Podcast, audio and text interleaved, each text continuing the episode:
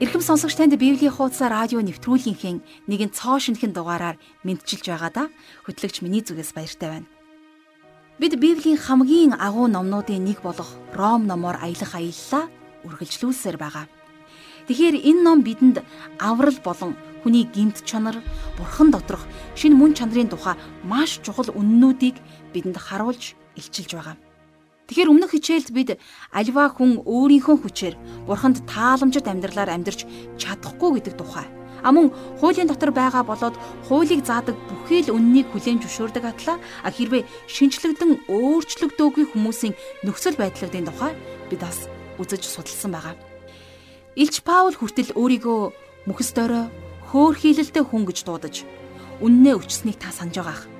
Тэр өөртөө туслах ямар ч чадваргүй байсан учраас Бурханаас тусламж дуудаж тийхүү хашгирч байсан юм. Тэрээр нүглийн хүчний эсрэг өөрийн хүчээр тэмцдэг хүнд тохиолддог зөрчил, тэмцлийг өөрийнхөө ам амьдрал дээр харуулсан хүн.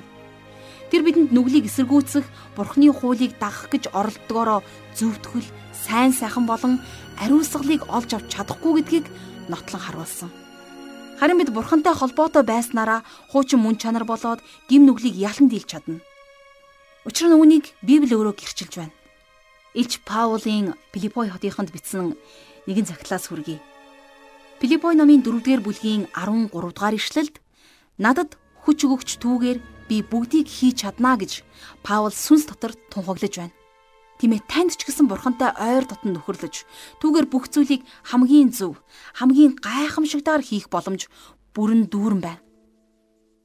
Ингээд хамтдаа жаргал агшийн хичээлийг хүлээн авч сонсохоос өмнө яг одоо энэ цагийг бурхан даатгаж залбирцгаая. Дашрамт хэлэхэд бид өнөөдөр Ром номын 8 дугаар бүлгийн эхний 8 ишлэлийг хамтдаа уншиж судлах байгаа. Яг одоо хамтдаа залбирцгаая. Бурхан аав минь Та энэ цагийг бидэнд зөвшөөрч өгсөнд баярлалаа. Радио долгионоор дамжуулан таны агуу хайр, мэрэгэн үгийг хүн болгонд сонсгох боломжоор та хангаж дүүргэж өгсөн таньдаа бид талархаж байна. Та хүн төрлөختнийг бас дэлхийг аврахын төлөө цорын ганц хүүгээ харамлалгүй өгсөн. Ингэснээрээ түүний дотор шинчлэгдэж, шин мөн чанартай болж, хүн болгон тантай ойр дотн байх боломжтой болсон. Энэхүү гайхамшигтай ивэл, ерөөлт хайрын төлөө талархаж байна. Тэмээ эзэн минь ээ Хүмүүсийг нүглийн болон өхлийн хуулиас чөлөөлөх хүч чадал зөвхөн танд байгаа гэж бид ам амьдрал дээрээ бид сүнс дотор тунхаглан зарлаж байна. Тиймээ та өөрөө биднийг замчлан удирдаач. Үнэхээр та бидэнд үгээрээ дамжуулан үннийг харуулхад та туслаарай. Хичээлийн энэ цагийн эхнээс нь дуустал бид таны моторт өргөж Есүс Христийн нэрээр залбирanгуйж байна. Амен. Харин одоо бүгдээрээ жаргалах шиг хичээлд анхаарлаа хандуулъя. За өмнөх бүлгүүдэд э, нилээд нухацтай бас нилээд э, дэлгэрэнгүй ярьсан ариуслын тухай сэдв маань өнөөдрийн бидний үзэх хичээлээр өндөрлж байгаа. За энд гурван чухал сэдв гардаг. Ариусл, аюулгүй байдал болон за бурхнаас тусгаарлагдахгүй байх явдал. Өөрөөр хэлэх юм бол хүч чадлаар дүүрэн ариусл болоод за ямар ч хүчгүй ариуслын тухай харьцуултын тухай гэсэн үг. За одоо судлах бүлэгт маань ерөнхийдөө бид нар Бурхан хүн төрлөختний ариуслын тухай чухам яг юуг хийж өгснийг харах болно.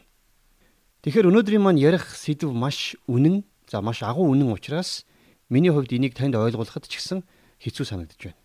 А гэхдээ би чадлаараа хичээх болно гэдгээ хэлмээр байна. Та санаж байгаа бол Мосе шатаж байгаа ботны дэргэд зогсохдоо шахаага тайлж за юу хийхээ мэдэхгүй алмаар нь зогсож байсны адилаар бид нар ч гэсэн бас өнөөдрийн үзэх агуу гайхамшигт үнний өмнө яг л тэгж зогсох болно. Өнөөдрийн бидний үзэх Ром номын 8 дугаар бүлэг болвол энэ номын хамгийн оргил хэсэг нь байгаа юм. За энийг Ром номыг судлаачид бүгд хүлээн зөвшөөрдөг. Тэгэхээр нэгэн Библи судлаач хэрвээ Библи бүгж харин Ром ном бүгжнийг шигтгэ байсан болвол Ромын 8 дугаар бүлэг нь энэ шигтгэнийг ялалзах туяан мөн гэж маш оновчтой хэлсэн байна. Паул гим нүгэлтэд тулалдаж байсан ч гэсэн тэр бүхний дунд бурхны төлөө амьдрах болно гэдгээ хэлсэн. За гим түүний амьдралыг удирдахгүй. Тэгэхээр итгэгч хүний хуучин мөн чанарт ямар ч сайн зүйл байхгүй. За бас шин мөн чанарт ямар ч хүч чадал байдгүй гэдгийг бид өмнөх хичээлээр үздэсгэсэн. За тэгвэл бурхны хүүхэд яаж амьдрах ёстой юм бэ? Паул өөр хин нэгнээс тусламж ирэн за Ромын 7-гийн 24 дээр Би юутай хөөрхийлэлтэй хүн бэ? Хэн намайг үхлийн энэ биеэс ангижруулах вэ гэж ордуу тавин хашгирч байсан. За өөрөөр хэлэх юм бол тэр хэн надад бурхны төлөө амьдрахад туслах вэ гэж асууж байсан гэсэн үг. За тэгээд Паул Ромын 7 дугаар бүлгийг дуусгахдаа бидний эзэн Есүс Христээр талархал нь бурханд байх болтугай. Иймд нэг талаар би оюун ухаанаараа бурхны хуйлд үйлчилдэг боловч нөгөө талаар би махбодороо нүглийн хуйлд үйлчилгээ гэж хэлсэн. За энэ үг бол Илж Паулийн аврал ирэн хашгирсан хашгирааны хариулт нь байсан гэж ойлгож болно. За харин одоо 8 дугаар бүлэг дээр Паул биднэрт энэ бүхнийг хэрхэн хийх тухай өгүүлж байна. Тэгэхээр энэ бүлэг бол нэг ёсондоо бидэнд ариун сүнс бид нарыг хэрхэн ариусгадаг талаар ярих болно. За энд ариун сүнсний тухай 19 удаа гарч байна. Тэгэхээр 8 дугаар бүлгээс өмнө ердөө 2 хон удаа дурддаж байсныг та санаж байгаа бах. За ер нь Ром номон дээр Бурхны гурвлын ажлын талаар нэлээд гардаг юм. За эхлээд Ромын 1-1-ээс 3-ын 20 дугаар ишлэлдэр Бурхан эцэг бүтээлд оролцож байгаа тухай За дараагаар нь Ромын 3:21-ээс 7-гийн 25 дугаар ишлэлүүдээр Бурхны хүүгийн авралын үйлчлэлийн тухай гардаг. Харин өнөөдрийн үзэх Ромын 8:1-ээс 39 дугаар ишлэлдэр бол Бурхны ариун сүнс ариусгах ажлыг хийдэг тухай гарах юм. Тэгэхээр бид нар өнөөдөр ариун сүнсийг болон за түүнээс ирэх жинхэнэ ариуслын талаар нилээд дэлгэрэнгүй үзнэ гэсэн үг. Бурханд тааламжтай амьдралаар та зөвхөн ариун сүнсний хүч чадлаар л амьдрах боломжтой. Паул энэ тухай Эфесийн итгэгч нарт яг хэлж байсны адилаар. За тухайлах юм бол Эфесийн 5:18 дээр дарсанд бүү согтуур. Ингэвэл дураараа дүргэх байдалд автагдана. Харин сүнсээр дүүрэн бай гэж зөвлөсөн байдаг. Ариусл бол итгэгч хүний шинэ амьдралд ариун сүнсний хийж байгаа ажил юм. Ариун сүнс хэдийгээр итгэгч хүний дотор гэмт чанар байсан ч гэсэн гмийн хүчнээс нь тэр хүнийг чөлөөлж бурхны бүх хүслийг түүний амьдралд бий болгож байдаг. За нэгэн Библи судлаач Ромын 8 дугаар бүлгийн эхний 11 ишлэлийг ариун сүнсний гин болон үхлийг ялсан ялалтын тухай гэж нэрлсэн байна. За ингээд хамтдаа Ром номынхоо 8 дугаар бүлгийн 1 дугаар ишлэлийг уншъя. Ийм дэдүгэ Христ Есүс дор байгаа хүмүүст ямар ч ял үгүй. Паул өмнөх 7 дугаар бүлэг дээр өөрийнхөө туйлын дорой байдлын тухай ярьж байсан. А тэгвэл одоо энд тэрнийг бид авралаа алдаагүй байгааг харж байна. Христ Есүс дотор байгаа хүмүүст ямар ч ял шийтгэл байхгүй гэсэн боловч Паул итгэгч хүнийхээ хувьд амьдралдаа сэтгэл хангалуун биш за маш их тэмцэлдэж байсан. Харин бурхан түүнийг баяр хөөртэй байгаасаа гэж хүссэн. Тэгэхээр тэрхүү баяр хөөргийг Паул яаж авах ёстой вэ гэсэн асуулт гарч ирж байна. За хамтдаа 2 дугаар ишлэгийг уншъя. Учир нь Христ Есүс доторх амийн сүнсний хууль нь чамайг нүглийн болон үхлийн хуулиас чөлөөлсөн ажээ. За энэ бол маш чухал, маш том үг байна. Учир нь гэдэг үг нь энэ бүлэг дээр 17 удаа гардаг. За та энийг тэмдэглээд аваарай. Тэгэхээр энэ үгийн холбоос бүхэл бүлгийг хооронд нь нийлүүлж байгаа юм. Тийм учраас бид нар Паулийн санааг сайтар ойлгохын тулд энэ үгийн утга зүг ойлгох хэрэгтэй. Харин сүнсний хууль гэдэг нь зөвхөн хуулийн зарчмаас гадна ариун сүнсний эрх мэдлийг хэлж байгаа.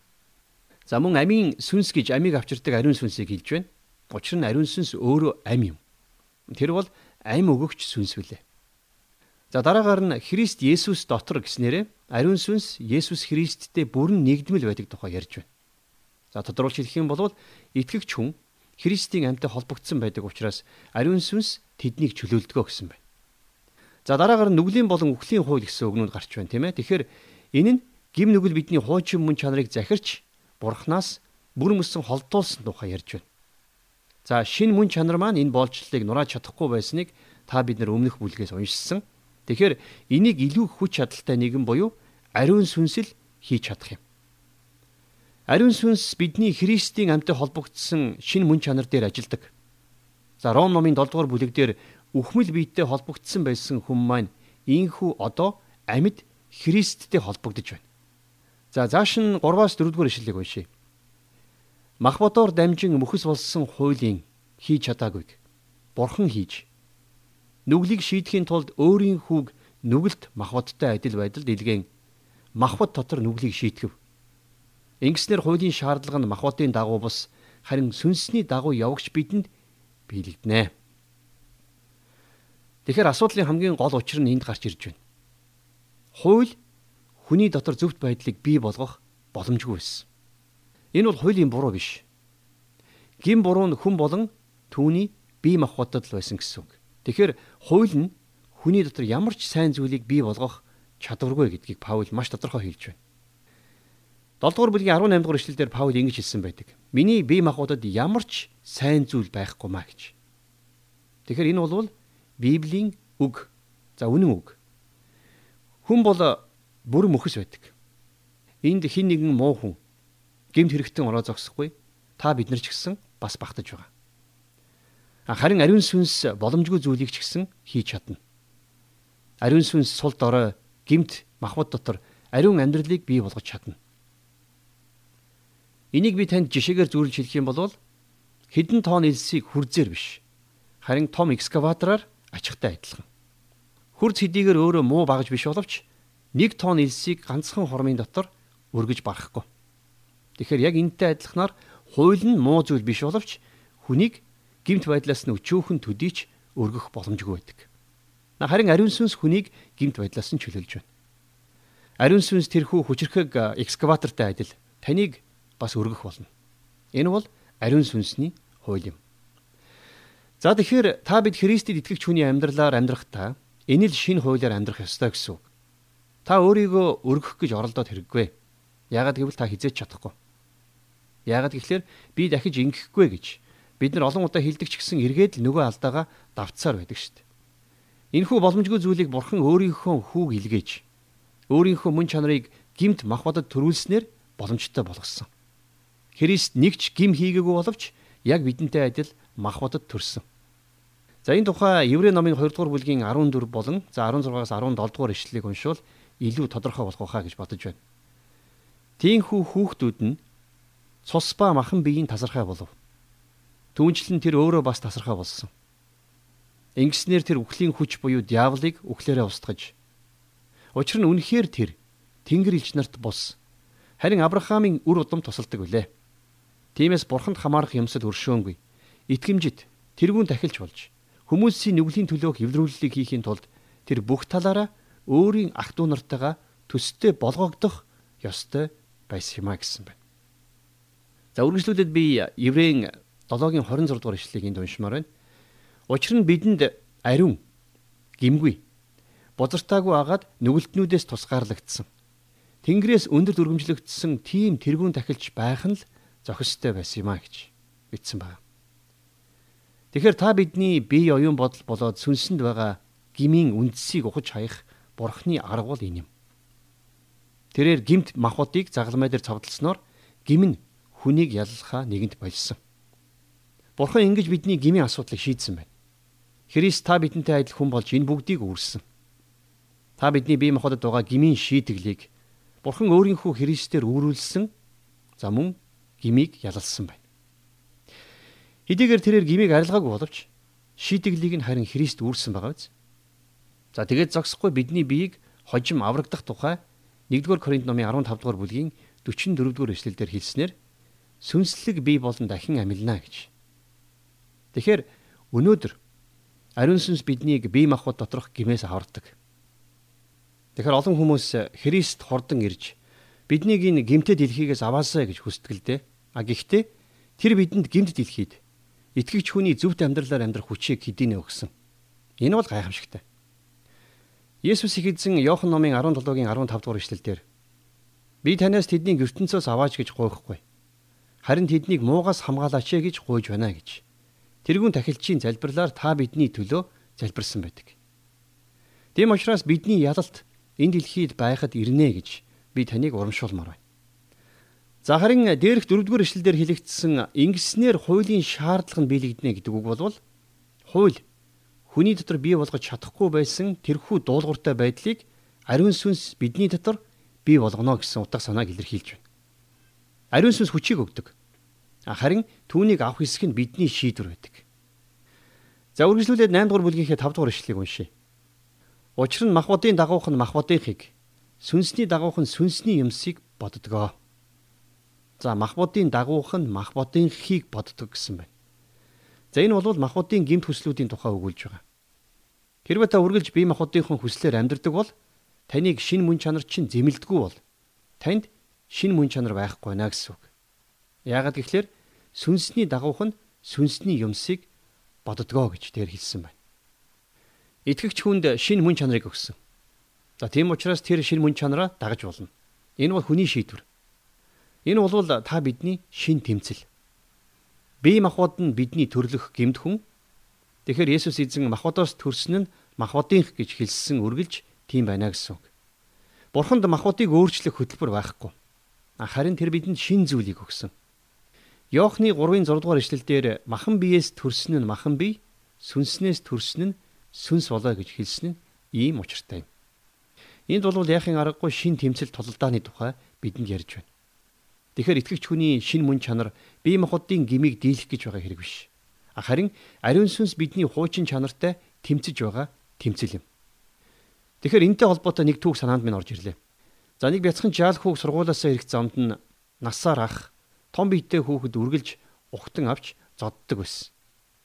Жаал хүү яагаад ч юм тэр том биетэй хүүхдийг дийлэхэргүй байсан. Харин нэг өдөр ах нь ирж нөгөөх нөхрийг дийлсэн байдаг. Тэгэхээр жаалхуу гөршүүлгүй зодож байсан тэр хүүхэд бол бидний бие махбод. Харин бидэнд түүнийг ялах ариун сүнс байгаа. Би өөрийнхөө биеийг ялж чадахгүй гэдгийг ойлгосон. Тиймээс энийг ялж чадах нэгэн рүү эргэх ёстой. Харин тэр нэгнийг хайх хэрэггүй гэж би танд зөвлөе. Учир нь ариун сүнс та бидний дотор байдаг. Тэр бидний өмнөөс энэ ялалтыг хийхийг хүсэж байдаг юм. За харин махбодын дагуух хүмүүс гэсэн нь гимт чанартай төрлөх хүнийг хэлж байгаа.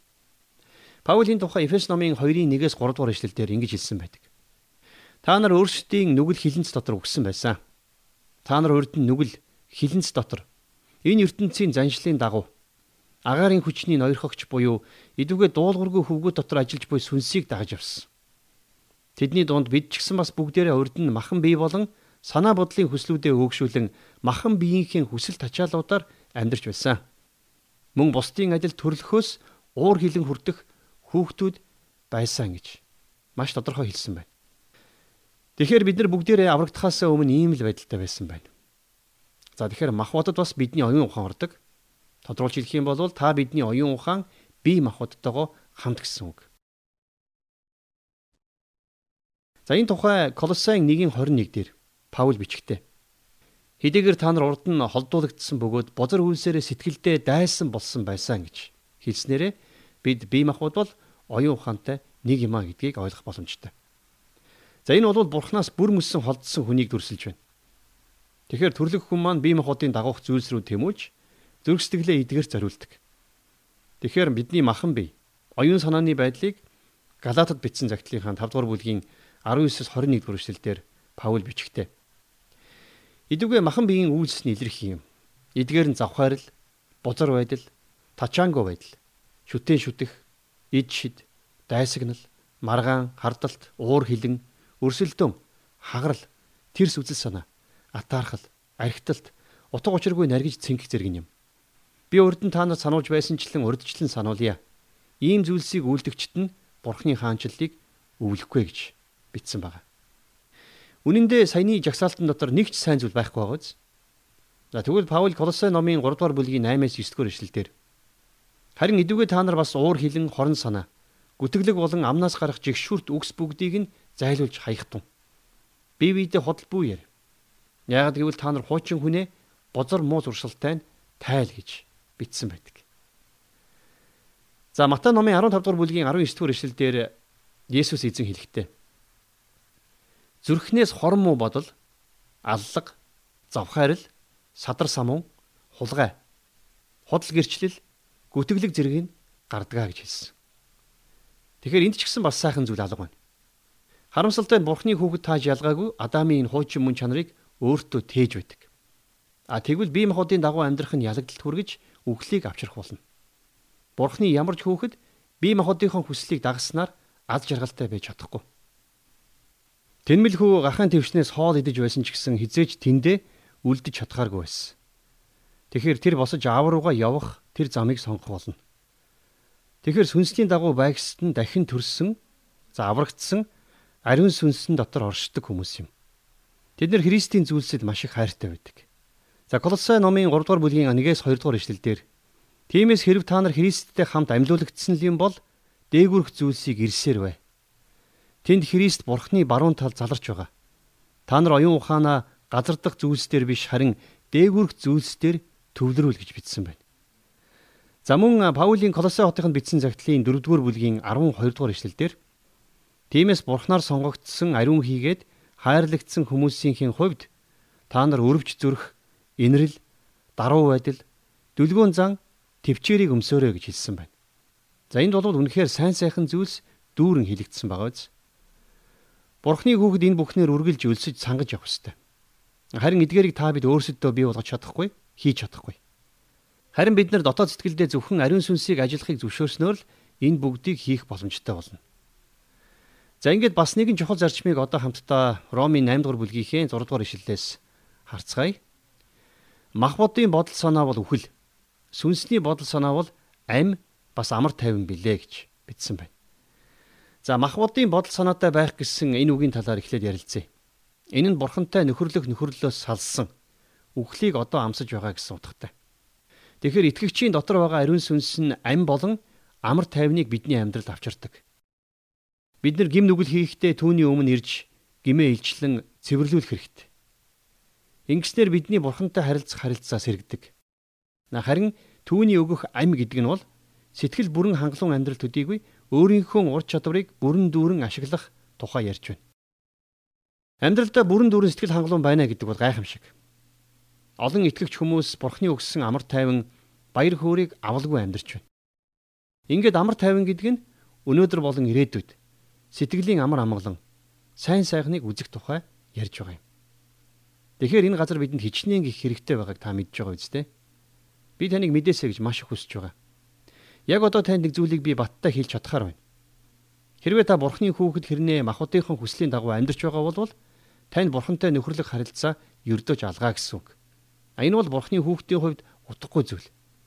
Есүс эзэн сүлийн оройн зоогийг барьж байхдаа Симон Петрт хандаж хэрвээ би чамайг угаахгүй бол чи надад хамаагүй болно гэж хэлж байсан. Тэгэхээр та бид нар гим хийсээр бие махбодынхоо хүслийн дагуу явсаар байх юм бол тэр бидэнтэй нөхрөлхийг огтхонч хүсэхгүй. За тэгвэл одоо яах ёстой вэ гэж та асууж байна уу? А тэгвэл бид нар Симон Петр шиг хөлөө гаргаж эзнэрээ угаалгахыг зөвшөөрөх хэрэгтэй. Тэгээд та эзнийхээ өмнө ирээд түүнд гим нүглээ илчлээрэй. Учир нь Иохны бичсэн анх дугаар загтлын 1-р бүлгийн 9-р эшлэлдэр хэрвээ бид нүглээ хүлээн зөвшөөрөх юм бол тэрээр итгэмжит зөвхт бөгөөд бидний нүглийг уучлж бүхэл зөвхт бос байдлаас биднийг цэвэрлэнэ гэсэн амлалт байдаг. Бид гэж итгэгч биднийг хэлж байна. Тэрээр энийг хийхдээ итгэмжит зөвхт байдлаар хийнэ. Яагаад гэвэл таныг уучлан цэвэрлэхийн тулд Христийн цус хэрэгтэй. Та бид нар хуучин мөн чанараа ямар бузар болохыг төсөөлж чадахгүй. Бид бурхан дээр очин өөрсдийгөө цэвэрлүүлэх хэрэгтэй. За нэгэн зохиолч бурханы ариусгал хийгээд бидний гимт байдлын тухай бичгтээ Бүх Тэнгис далайн ус намайг угаасан ч гим нүглийг маань угаах боломжгүй. Таны цусгүйгээр би цэвэрлэгдэхгүй юм а гэж хэлсэн байдаг. А тэгвэл энэ талаар 1-р Иохан номын 1-р бүлгийн 7-р эшлэлдэр харин тэр өөрөө гэрлийн дотор байдагчлан бид гэрлийн дотор явах юм бол бид бие биетэйгээ нөхөрлөж түүний хүү Есүсийн цус биднийг бүх нүглээс цэвэрлдэг ажээ гэж хэлсэн байна. Бурхны хүү Есүс Христийн цус хүн төрлөختнийг бүх гимээс цэвэрлсээр байгаа. Бидний хуучин чанар тэр чигээрээ муудсан. Бурхан хуучин чанарыг маань аврах төлөвлөгөөгүй. Хэрвээ та хуучин мөн чанарынхаа дагуу амьдарсаар байгаа бол Бурхны хүүхэд биш юм. Гэхдээ Бурхны хүүхэд ч гэсэн бас гим хийдэг бол итгэгч хүн аврагдаагүй хүний хооронд тэгвэл ямар ялгаа байгаа вэ? За гол ялгаа нь бол аврагдаагүй хүн буруу зүйл хийсэндээ баярлдаг бол итгэгч хүн адилхан буруу зүйл хийсэн ч Бурханаас уучлалтгүй гимшин ирдэг. За тийм л учраас бид нэр хуучин мөн чанараа ямар нэгэн байдлаар сургаж хянаж чадна гэдэг бол худлаа. Энэ бүхэн биднийг хууль дүрм сахигч, гаднах байдлаараа бурханлаг мэт харагдагч болгодог.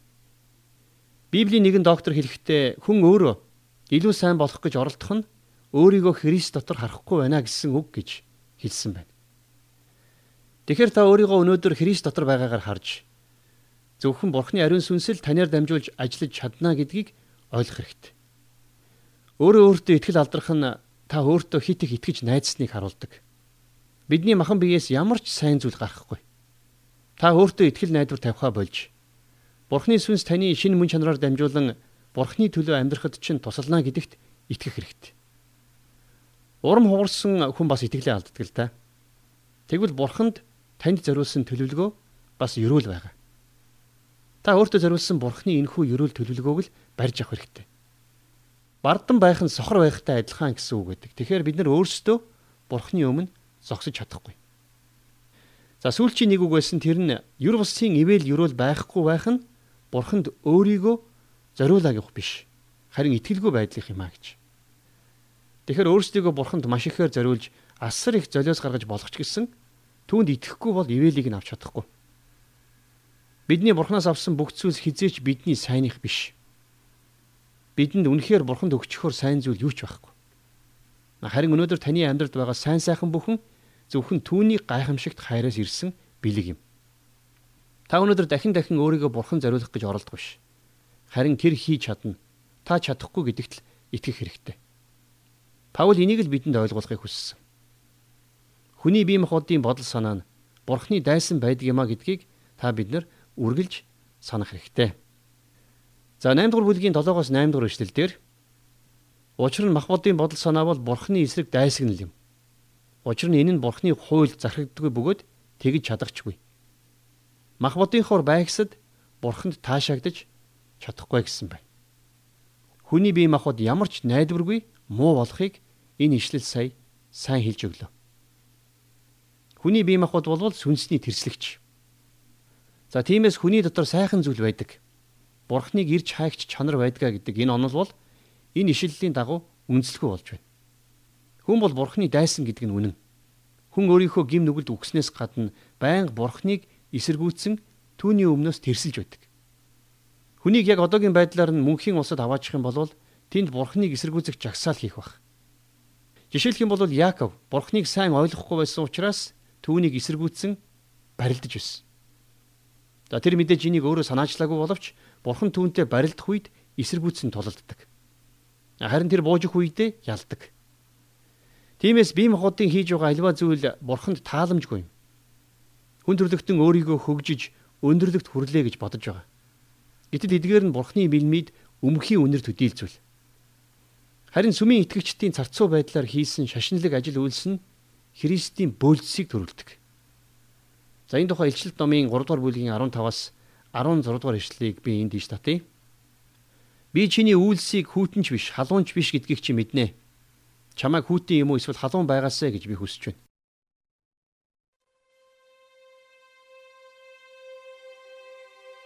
Тэгэхээр бурхан бидэнд сул дорой махан бие ялах ялалтыг өгсөн. Тэр бол түүний ариун сүнс юм гэдгийг өнөөдөр бид жаргал агшийнхаа хичээлээс маш тодорхой ойлгож авлаа. Сүнслэг амьдрал хийгээд ял шийтгэлээс чөлөөлөгдөх нүглийг ялан дийлж бурхантай нөхөрлөх нь ариун сүнсийг зүрх сэтгэлдээ оруулж Христтэй нэгдснээр л ирдэг гэдгийг Илч Паул өнөөгийн итгэгч бидэнд тод дүрслэлтэйгээр хэлж үлдээсэн нь үнэхээр гайхамшигтай байлаа. Тэгэхээр бид ариун сүнсийг хүлээн авч түүнийг дагснаар л нүглийн хүчнээс чөлөөлөгдөж Христ доторх эцсийн алдаршуулалт тийш удирдуулдаг гэдгийг ойлгож ухаарах нь энэ хичээлийн гол зорилго байсан гэдгийг хэлье. Энэ бол та бидэнд сайн мэдээг бүрэн хангаж дүүргэж өгсөн Христийн амьдрал үйл хэрэг юм. Тэгэхээр Илч Паул бидний амьдрал дахь Бурхны ажилд хориг саад болдог бүхий л зүйлсийн эсрэг байнга тэмцэж байх шаардлагатайг онцлон хийсэн миний сэтгэлийг маш их хөтлөгсөн. Хайртай ах, магадгүй дотны хин нэг маань надад хувьчлан дотнчлон хэлж байгаа юм шиг санагдаж байлаа. Бас нэг ярихгүй байхын аргагүй зүйл бол ариун сүнс нь нүгэлтнүүдийн дотор орж тэднийг нүглийн хүчнээс чөлөөлдөг тийм агуу хүчний тухай жаргалагш ярьсан. Тиймээс өдөр болгон та бурхны ариун сүнсээр дүүрснээр хүчрхэг амьдрч чадна гэдгийг хэлье. Тэгэхээр хичээлийн төгсгөлд мөн Илч Паулийн бичсэн Эфес номын 5 дугаар бүлгийн 18 дугаар ишлэлийг уншиж сонирдуулад энэ цагийн хичээлээ хамтдаа өндөрлөө. Паул ийхүү хэлж байна дарсанд бүс огтур энгүүл дураараа дүргэх байдалд автагдана. Харин сүнсээр дүүрэн бай гэж Эфесчүүдийг төдийгүй өнөө цагийн бидэнд тийхүү анхааруулж байна. Эцэст нь ариун сүнс таны дотор хайр болон итгэлтэй байдлыг бүрдүүлэн бий болгож өгдөг учраас түүгээр дамжуулан та бурханд хандаж аава эцэг минь химэн хандан залбирдаг шүү дээ. Хамтдаа залбирцгаая. Бурхан аава та бидний ам амьдралыг хүчтэй болгож ариун сүнсийг илгээсэн баярлаа хэзэн минь.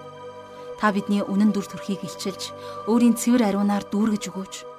Өнөөдөр бид таны хүүхдүүд мөн гэсэн итгэлийг ариун сүнс болон таны хүү Есүс Христийн илчлэлт хийгээд үйл хэрэгээр дамжуулан бид ойлгож авсан. Харин энэхүү итгэлээ бид мөнхийн мөнхөд итвэхтэйгээр хөдөлгөөнтэй байлгаж сахихыг хүсэж байна. Яг л тантай уулзах мөчийг хүртэл. Тиймээс эзэн минь ээ та биднийг ариун сүнсийг дотроо оруулж ажиллах боломжийг олгодог байхад та туслаарай Ариун сүнсэнд дуулууртай байвал ариун сүнс бидний амь амьдрал, бидний зүрх сэтгэлд тэрл хэмжээшгүй хязгааргүй гайхамшигтай ажиллаа хийж бид тийхүү таны тусгал мэд таныг гэрчилж амьдрах болно. Тэгээд их эзэн минь ээ энэхүү хичээлийг сонсож байгаа хүнийг болгоныг та өөрийнхөө зөвхт байдал болон ариун байдал руу чиглүүлж өгөөрэй. Өдөр бүр таны ариун сүнсээр дүүрч хүчрхэг амьдрахыг бид хүсэж байна. Бид танд хүсэл мөрөөдлөө, бид танд ам амьдралаа өдрүүдээ танд өргөж Есүс Христийн нэрээр залбирanгуйж байна. Амен.